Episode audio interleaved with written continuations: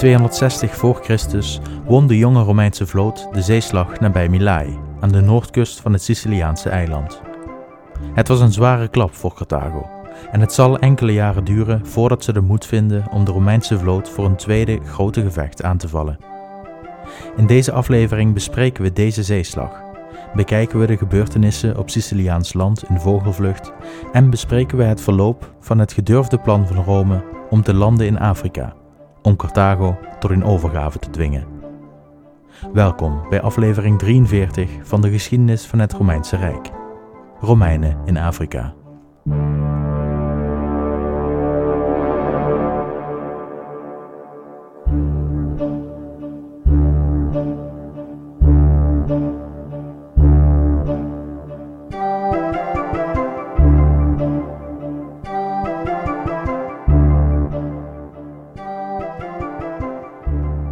Na de festiviteiten in de hoofdstad, na aanleiding van de eerste grote overwinning op zee, richtte Rome zich weer op het verdrijven van Carthago van Sicilië. Met het moraal van de Fenicische vloot gezakt naar een dieptepunt na de verloren zeeslag bij Mylae, veranderen ze tijdelijk van tactiek.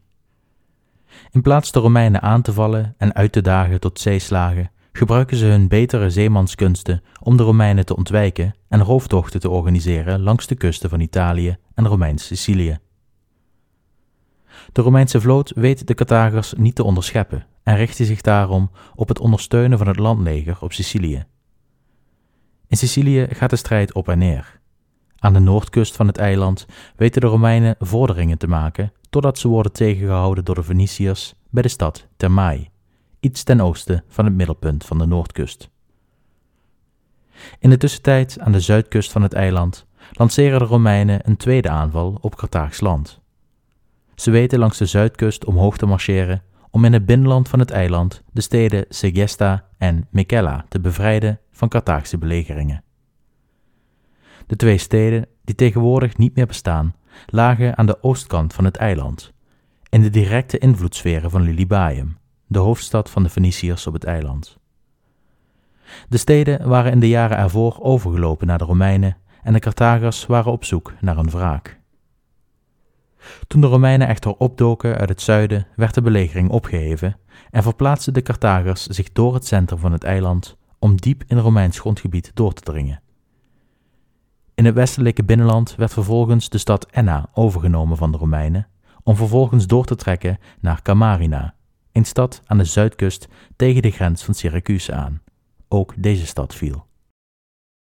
De invasie van Romeins gecontroleerd gebied was een gedurfde strategie maar werd met succes afgerond. Beide steden werden het volgende jaar alweer bevrijd van Carthagers door een nieuwe campagne van de Romeinen, die zelfs nog verder naar het binnenland trokken dan de Romeinen hiervoor hadden gedaan. Het territorium van beide mogendheden ging op en neer in de jaren na 260 voor Christus, en vele steden wisselden meermaals van overheerser. De strubbelingen om individuele steden en de opgave deze steden te behouden zorgden voor het uitstrijken van de oorlog over vele jaren. De jaren gingen voorbij. 260 liep over in 259, 58 en vervolgens 57, waar aan de ene zijde land gewonnen werd en aan de andere zijde land verloren raakte. De snelle verovering van het westen van het eiland verviel in een trage, moeilijke en vooral lange strijd om het oosten van het eiland. In 256 voor Christus vond er echter een doorslaggevende zeeslag plaats. Een zeeslag die niet van tevoren gepland was en die beide bevelhebbers verraste. Het vond wederom plaats aan de noordkust van Sicilië, niet ver ten oosten van Mylae, hedendaags Milazzo. De kustlijn al hier maakt een behoorlijke inham in het Siciliaanse vasteland, en in deze inham was de Romeinse vloot onderweg naar het oosten, toen ineens de Carthaagse vloot de hoek omvoer. Het lijkt een herhaling van de slag bij Mylae, maar dit keer vielen niet de Feniciërs frontaal aan, maar de Romeinen. Met de overwinning op zee van de afgelopen jaren in het achterhoofd besloot de consul met het gezag over de vloot met een kleine groep schepen frontaal op de Carthagers in te varen. Zijn beslissing was zo abrupt dat de rest van de Romeinse vloot enige achterstand had ten opzichte van de consul. En toen de eerste Romeinse schepen in aanraking kwamen met de vijand, was de rest van de vloot nog een achtervolging. Deze beslissing pakte heel slecht uit voor de consul. De schepen die hem hadden weten bij te houden, waren voor een korte periode zwaar in de minderheid en van alle kanten werden ze omsingeld. Het rammen was een koud kunstje voor de Carthagers. Iedere corvus kon immers maar één schip vastpakken, en aangezien de Feniciërs in de meerderheid waren, had de rest vrij spel. Alle Romeinse schepen, behalve het vlaggenschip van de consul, werden ofwel succesvol geboord, ofwel met een beuk tot zinken gebracht. De consul zelf wist zijn inschattingsfout te overleven. Hij draaide zijn schip en hij groepeerde met de rest van de Romeinse vloot. Het gevecht dat vervolgens uitbrak liep weer zoals het hoorde. Met nu een even aantal aan schepen als de Carthagers gaf de Corvus weer het strategisch voordeel. De Carthagers beseften inmiddels ook dat het numerieke overtal doorslaggevend was voor een succesvolle zeeslag en trokken zich terug naar een basis op de Lipari-eilanden na het lijden van enkele verliezen. De slachtofferaantallen waren ongeveer gelijk geweest en Rome was de morele overwinnaar.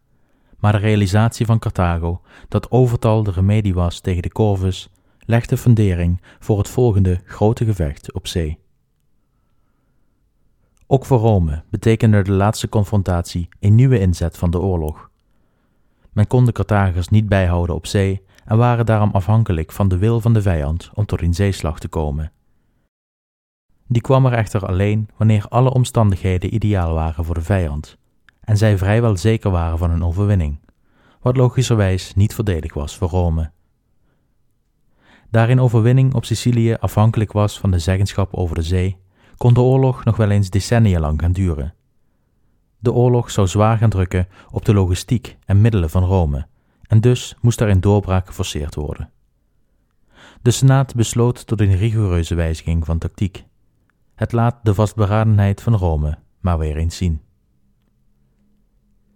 In navolging van de Eerste Overzeese Oorlog in Sicilië liet de Senaat zich bereid zien tot een nog veel ambitieuzer plan.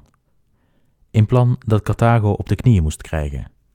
Een plan dat de Feniciërs zoveel pijn zou doen dat de bevoorrading van troepen op Sicilië onder druk kwam te staan, en wat de Romeinen in staat stelde om de genadeslag toe te brengen op het eiland. De verschillende zeeslagen en afwisselende successen hadden van de Romeinse zeevaarders redelijk ervaren zeevaarders gemaakt. De Carthagers hadden hun snelheid, de Romeinen hun corvus. De krachtmeting op zee leek steeds dichter bij elkaar te komen. De voorsprong van de Feniciërs op de Romeinen was al lang niet zo groot meer als aan het begin van het conflict.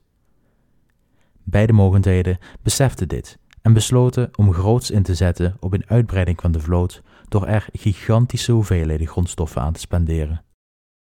Zowel Carthago als Rome begon enorme hoeveelheden middelen in de scheepsbouw te investeren. Rome probeerde op een gelijk aantal schepen te komen als de vijand, en de vijand probeerde de voorsprong die zij hadden te behouden. Het resulteerde voor de Romeinen in 256 voor Christus in een armada van maar liefst 330 schepen. Rome liet zien dat ze alles over hadden om de oorlog te winnen. Ze investeerden ongelooflijk veel geld, grondstoffen en manschappen in de vloot. Maar Rome was nog niet klaar.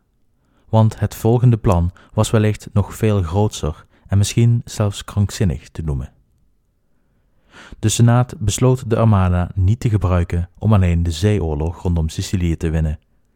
Men wilde de vijand in slag toebrengen waar het het hardst aan zou komen, in hun moederland. Er werd een plan opgesteld om beide consuls de Middellandse Zee over te sturen, om met meer dan 100.000 troepen aan te komen op de kusten van Afrika. Het plan was zeer ambitieus. Eerst was het onderhouden van troepen in Sicilië al een probleem, laat staan een leger van 100.000 troepen in een vijandelijk land met honderden kilometers aan zee tussen hen en Sicilië. Ondanks de risico's werd het plan toch in werking gezet. De Romeinse armada verzamelde zich rond de stad Messana om langs Syracuse via de zuidkust van Sicilië aansluiting te zoeken bij het Romeinse leger dat op Sicilië actief was. Het landleger werd op de schepen geladen om als mariniers te dienen. Het totale aantal bemanningsleden, mariniers, roeiers enzovoort zou komen tot maar liefst 140.000 mannen. Nu wil ik meteen een voetnoot maken. 330 schepen met 140.000 mannen, zeggen de oude bronnen.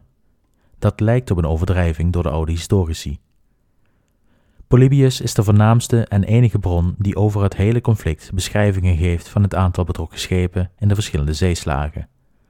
Hij lijkt dan ook redelijk objectieve verslagen te geven van de conflicten.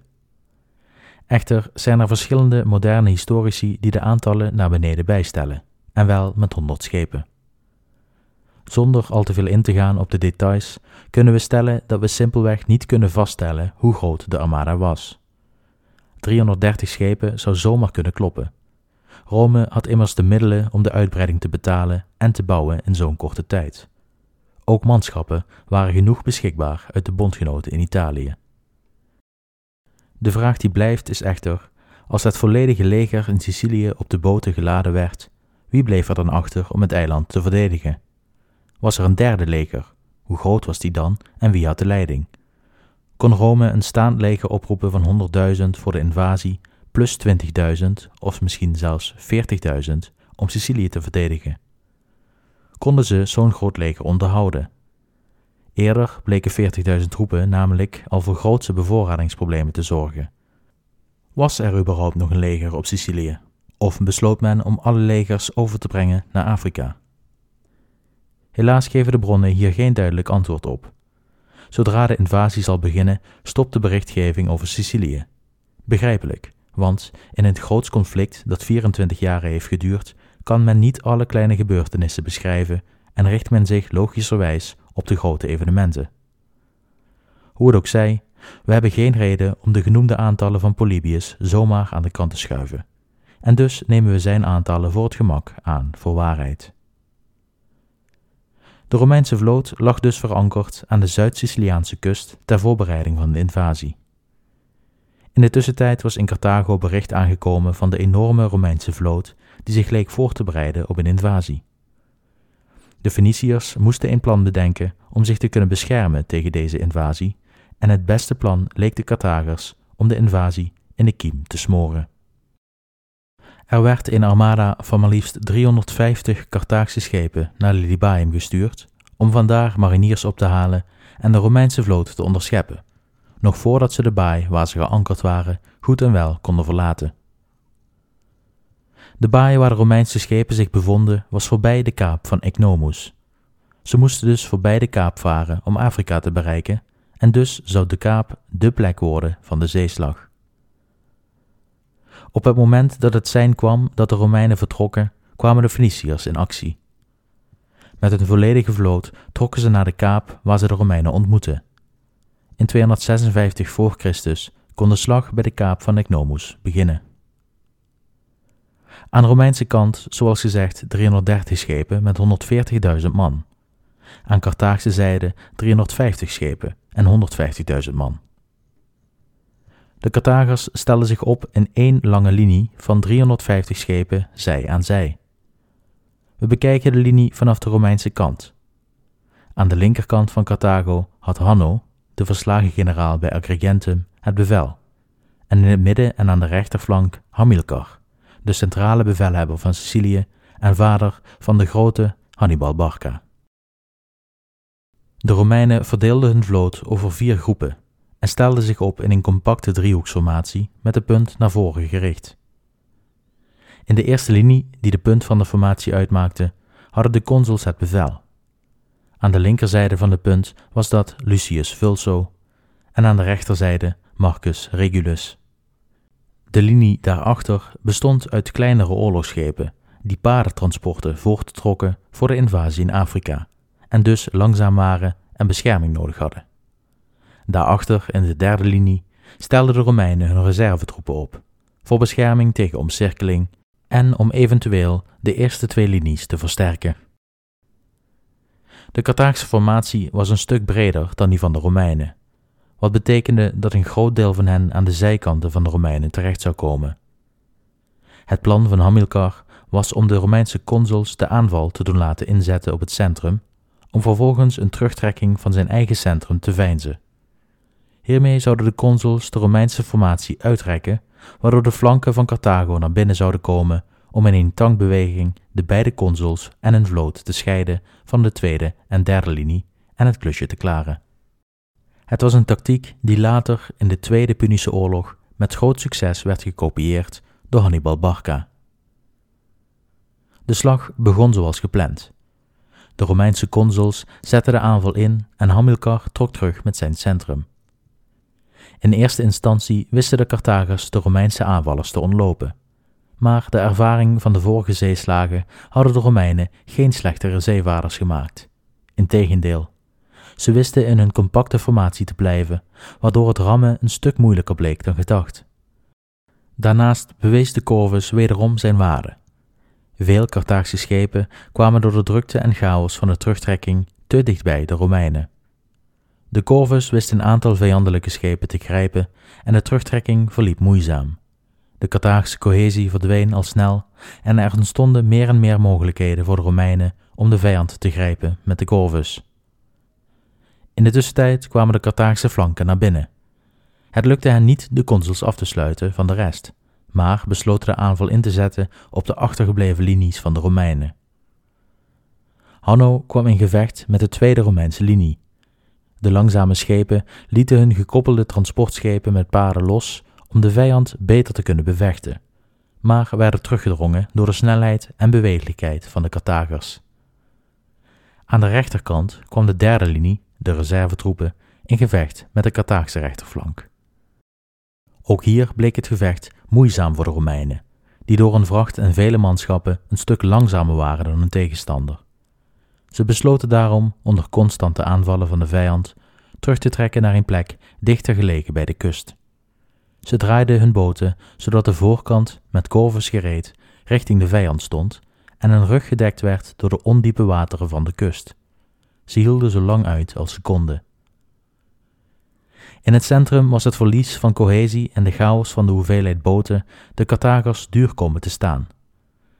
De Romeinse vloot onder leiding van de consuls bracht veel schade toe aan de vijand.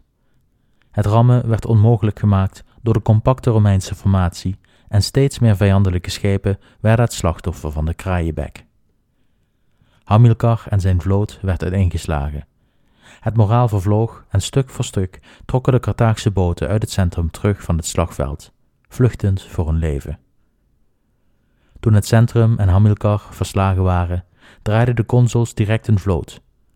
Vulso vertrok richting het gevecht tussen Hanno en de tweede Romeinse linie. Ze kwamen aan in de rug van Hanno, die in nederlaag inmiddels als onvermijdelijk zag. Hij brak zijn gevecht af en maakte dat hij wegkwam met het grootste deel van zijn vloot. Regulus vertrok met zijn deel richting het strand, waar de reservetroepen met hun korvers gereed de vijand op afstand hielden. Aan de kust werd de zwaarste klap uitgedeeld aan de Carthagers. Regulus viel ze aan in de rug. Er was geen ontsnappen aan voor de Carthagers, daar ze in een baai vastzaten tussen aan de ene kant de Corvi en aan de andere kant de naderende schepen van Regulus. Het werd een slagpartij. Slechts enkele Carthaagse schepen wisten de Corvi te ontwijken en zagen de zon die dag nog ondergaan. De rest werd geboord en gevangen genomen. De slag was een doorslaand Romeins succes geweest. De Carthagers zouden zo'n dertig schepen verloren zien gaan aan het zeewater en veertien schepen werden overgenomen. De Romeinen zouden 24 schepen verloren zijn aan de zee en geen enkele verloren zien aan de vijand. Qua aantallen slachtoffers was het gevecht dan misschien niet zo betekenisvol. Qua moraal was het een vernietigende slag die werd toegebracht aan de Feniciërs. Ze waren er niet in geslaagd de Romeinse vloot te stuiten. Een invasie van hun moederland was aanstaande. De trotse zeegaande natie was gekrenkt in haar trots. Niet langer waren ze de onweersproken macht in en rond de Middellandse Zee. Voor de Romeinen was het een feestelijke middag. De grootste zorg van de invasie, namelijk een veilige aankomst in Afrika, was ontdaan van de vijandelijke vloot. Alleen een storm kon nog voorkomen dat ze de kust van Afrika zouden halen, en met de verering van de juiste goden zou dat geen enkel probleem moeten zijn. De Romeinse vloot moest echter nog even wachten voordat de invasie daadwerkelijk kon beginnen. Ze meerden nog eenmaal aan in de baai bij Ignomus, om de mariniers te laten herstellen van de slag en om de vloot te repareren om de overtocht te kunnen maken. In datzelfde jaar nog, 256 voor Christus, was het zover en trokken 330 schepen vanuit Sicilië richting Afrika met 140.000 troepen aan boord. Onder leiding van zowel Lucius Vulso als Marcus Regulus landden de Romeinen dat jaar bij Kaap Bon, op het puntje van het schiereiland van hedendaags Tunesië dat het dichtst bij Sicilië ligt. De stad Aspis was het eerste doelwit van de Romeinen. Ze hadden hun landing niet ver van de stad gemaakt, groeven grachten ter verdediging en zetten een kamp op om de belegering van de stad te organiseren. De stad viel snel en de Romeinen installeerden een garnizoen en stuurden woord naar Rome dat de landing in het vijandelijke moederland een succes was. In de dagen erna werden tienduizenden Romeinen de vruchtbare omgeving ingestuurd om te plunderen. Duizenden koeien, schapen, ander vee werden geroofd, tonnen aan gewassen werden verwoest of als voeding voor het leger in beslag genomen. Grote dure boerderijen van rijke Carthagers werden in lichterlaaien gezet en maar liefst 20.000 boeren, burgers en slaven werden gevangen genomen en als slaaf aangeleverd bij de consuls. Zelfs enkele tientallen Italische en Romeinse burgers die gevangen genomen waren tijdens Carthaagse rooftochten langs de Italiaanse kust waren bevrijd van hun slavenbestaan op deze boerderijen. Volledigheidshalve moet ik er even bij vermelden dat de kusten van Noord-Afrika ten tijde van de oudheid, in tegenstelling tot vandaag de dag, voor het overgrote deel bestond uit zeer vruchtbare landbouwgronden. Het klimaat was er zachter en vochtiger dan nu, waardoor grote lappen grond geschikt waren voor intensieve landbouw en die het mogelijk maakte dat zo'n grote aantallen vee, grondstoffen en slaven meegenomen konden worden. De eerste dagen waren een groot succes voor de Romeinen.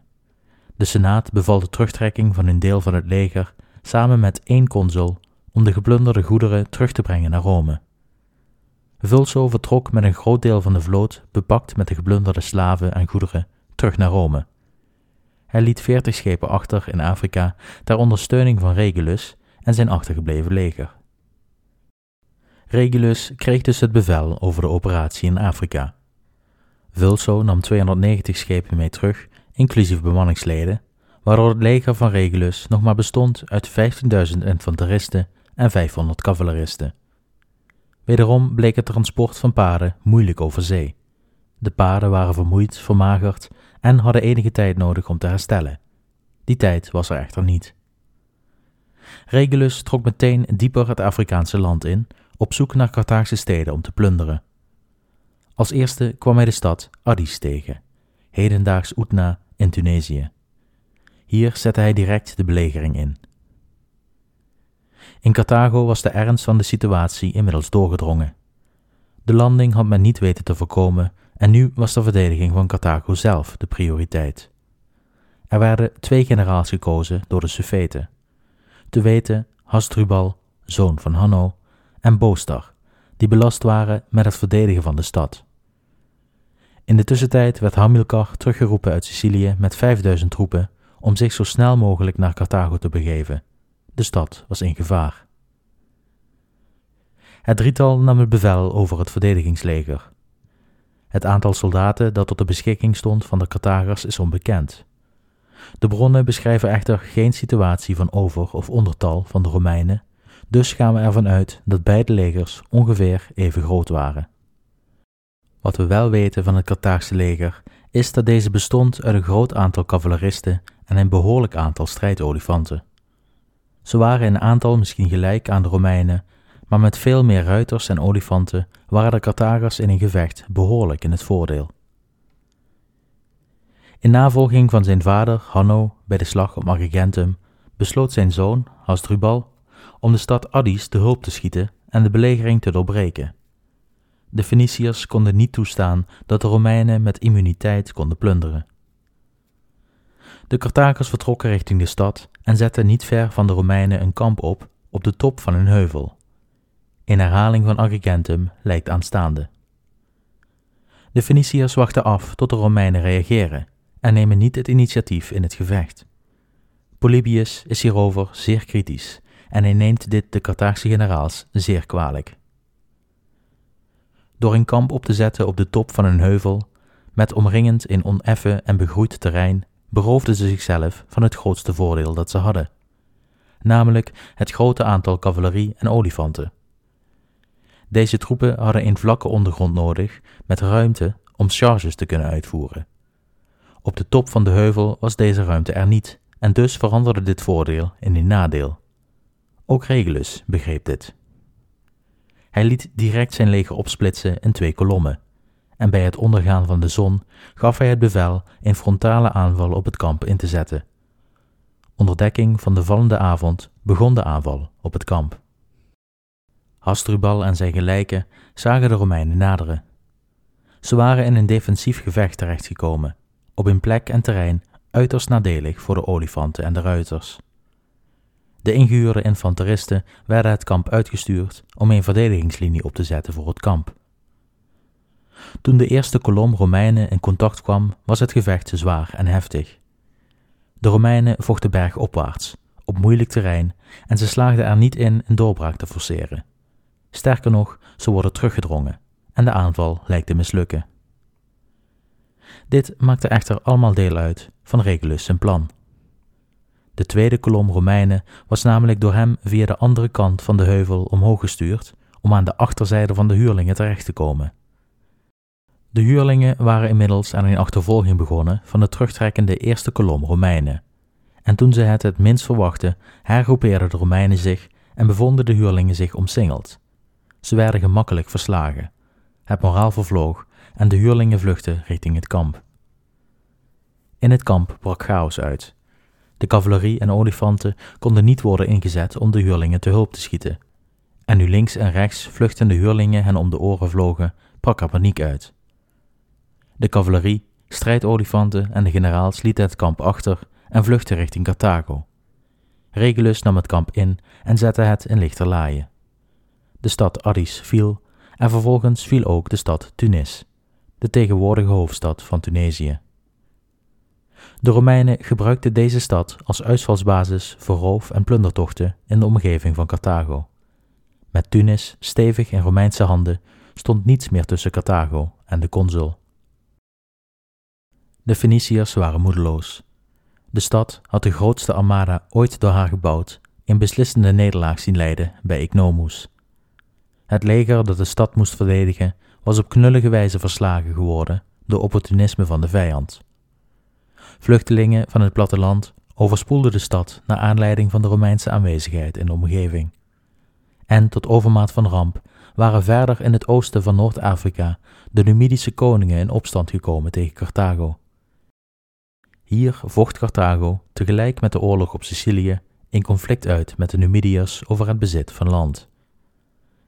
Het kostte de Carthagers grote moeite de situatie weer onder controle te krijgen, en ook vanuit hier stroomden vluchtelingen Carthago binnen.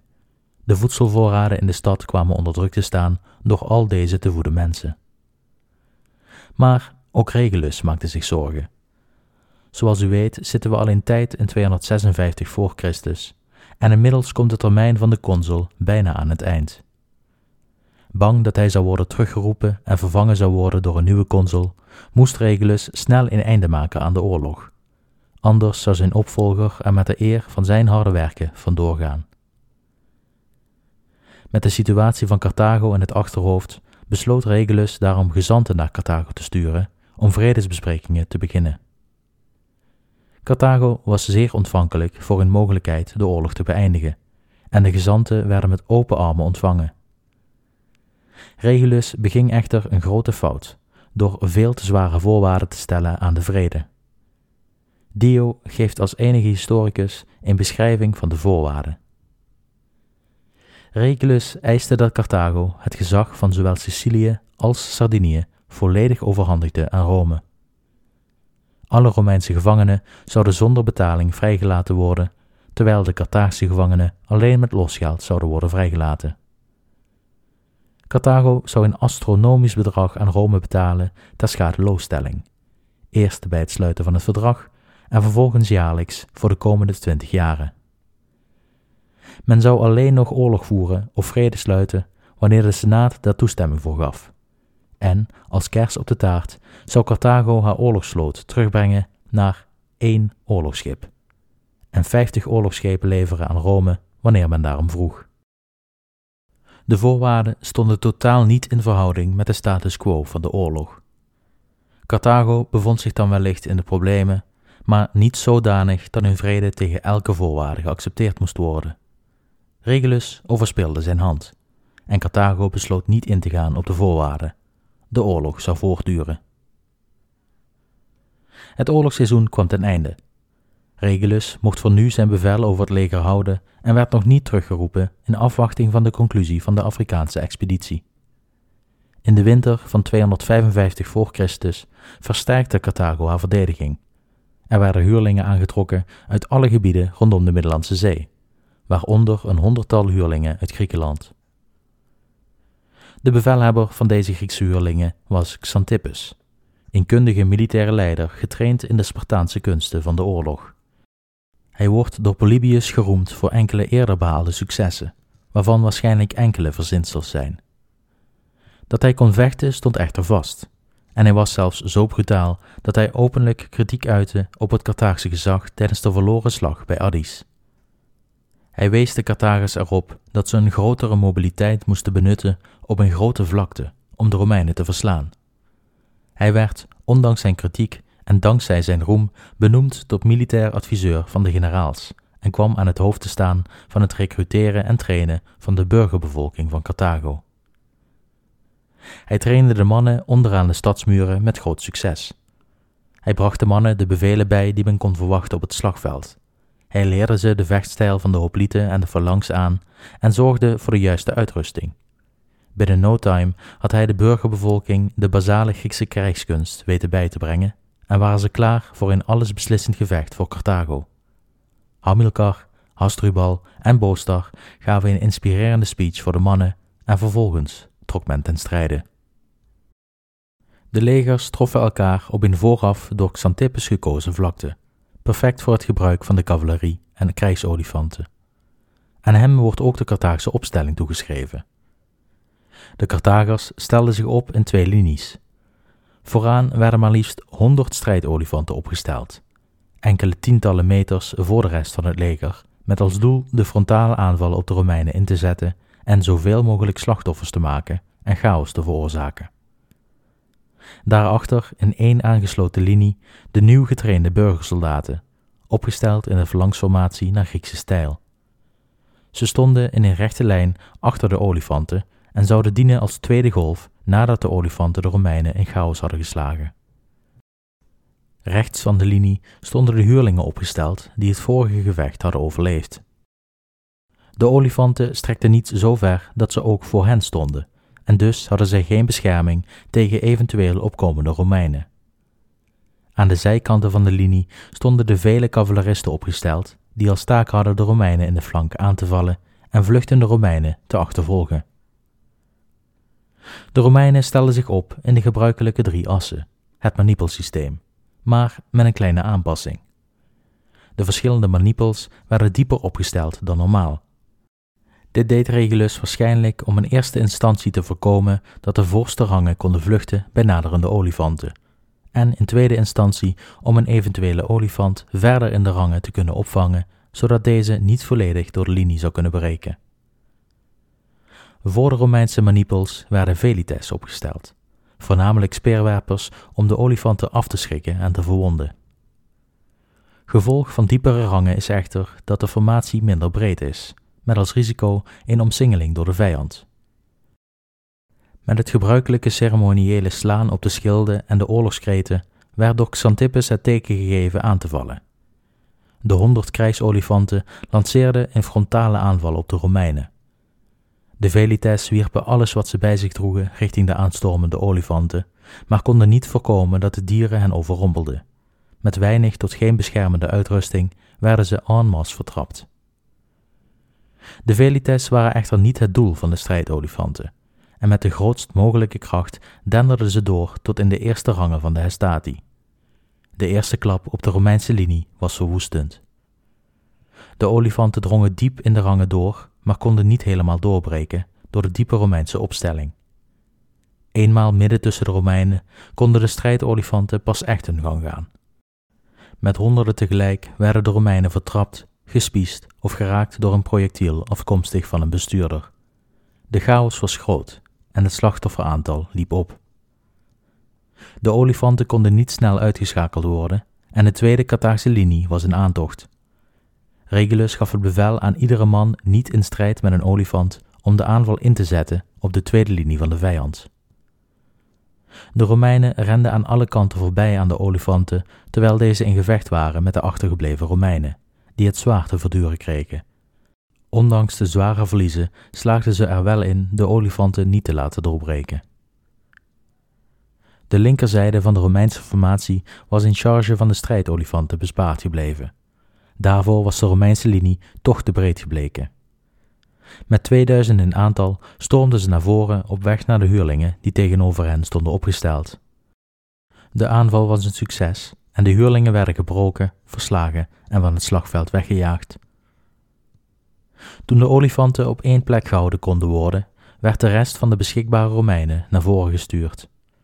Ze kwamen tegenover de phalanx van Xantippus te staan, die nog vers en uitgerust waren. Daar een deel van het Romeinse leger achter was gebleven om de olifanten te bevechten, waren de Romeinen in de minderheid. Deze combinatie van factoren maakte dat de Feniciërs de Romeinse aanval gemakkelijk konden afweren en konden terugslaan. Op de flanken was de cavalerie in gevecht. De Romeinen waren behoorlijk in de minderheid. Voor iedere Romeinse ruiter waren er vier Carthaagse, en dankzij dit overtal slaagden de Carthagers erin de Romeinse ruiters te vermozelen. Met bosjes tegelijk vielen de Romeinen op de flanken om en vluchtten ze van het slagveld, de weg naar de Romeinse flanken vrijmakend. De Carthaagse cavalerie zette de aanval op de Romeinse flanken in. Met olifanten in hun midden, ruiters op de flanken en een aanstormende Carthaagse infanterie was de situatie penibel voor de Romeinen. Met dreigingen van alle kanten verloren de Romeinen het overzicht en vervielen ze in chaos. De cohesie was volledig verbroken en een massale vlucht was het gevolg. Achterna gezeten door ruiters en woeste krijgsolifanten werd het Romeinse leger vernietigend verslagen. Slechts een paar duizend Romeinen wisten het slagveld te ontvluchten.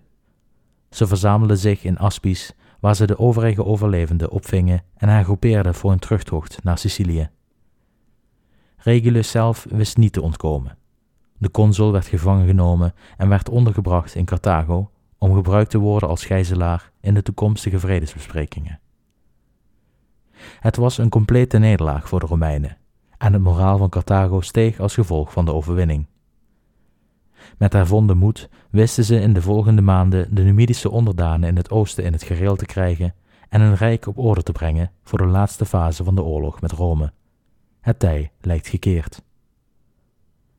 Xantippus krijgt de volle glorie van de overwinning, maar vlucht enkele maanden later uit Carthago, bang voor de dodelijke jaloezie van de Carthagische generaals. De Romeinse overlevenden, enkele duizenden in aantal, stuurden bericht naar Rome van de nederlaag. 350 schepen worden vanuit Italië naar Cabon gestuurd voor de repatriëring van de overlevenden. Maar wanneer de kaap in zicht komt, worden ze ontvangen door 200 Carthaagse oorlogsschepen, klaar voor een gevecht om het lot van de overlevers in Aspies. Het plan van Rome om de oorlog in 255 voor Christus tot een einde te brengen valt in duigen. Het Carthaagse moraal had een opleving gekregen en de aandacht van de Feniciërs kon met het verslaan van de oostelijke opstanden weer volledig gericht worden op Sicilië. De oorlog zou een nieuwe fase ingaan en nog jarenlang voortduren. In Sicilië zien de Romeinen een opleving van Carthaagse aanwezigheid en worden ze zelfs gedwongen land toe te geven aan Carthago. Voor nu moesten de Romeinen genoegen nemen met 20.000 slaven, vee en voedsel dat werd buitgemaakt tijdens het Afrikaanse avontuur.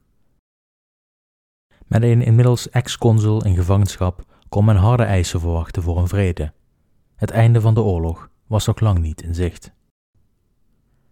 Zo zijn we bij het einde gekomen van deze aflevering. In de volgende aflevering zien we hoe Rome reageert op deze nieuwe omstandigheden en gaan we in vogelvlucht de laatste gebeurtenissen van de oorlog bekijken.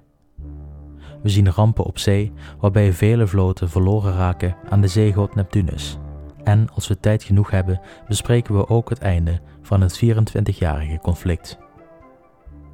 De volgende aflevering verschijnt over twee weken en ik hoop u ook dan weer te mogen begeleiden in de gebeurtenissen van de Eerste Punische Oorlog. Voor nu, zoals altijd, bedankt voor het luisteren en tot de volgende keer.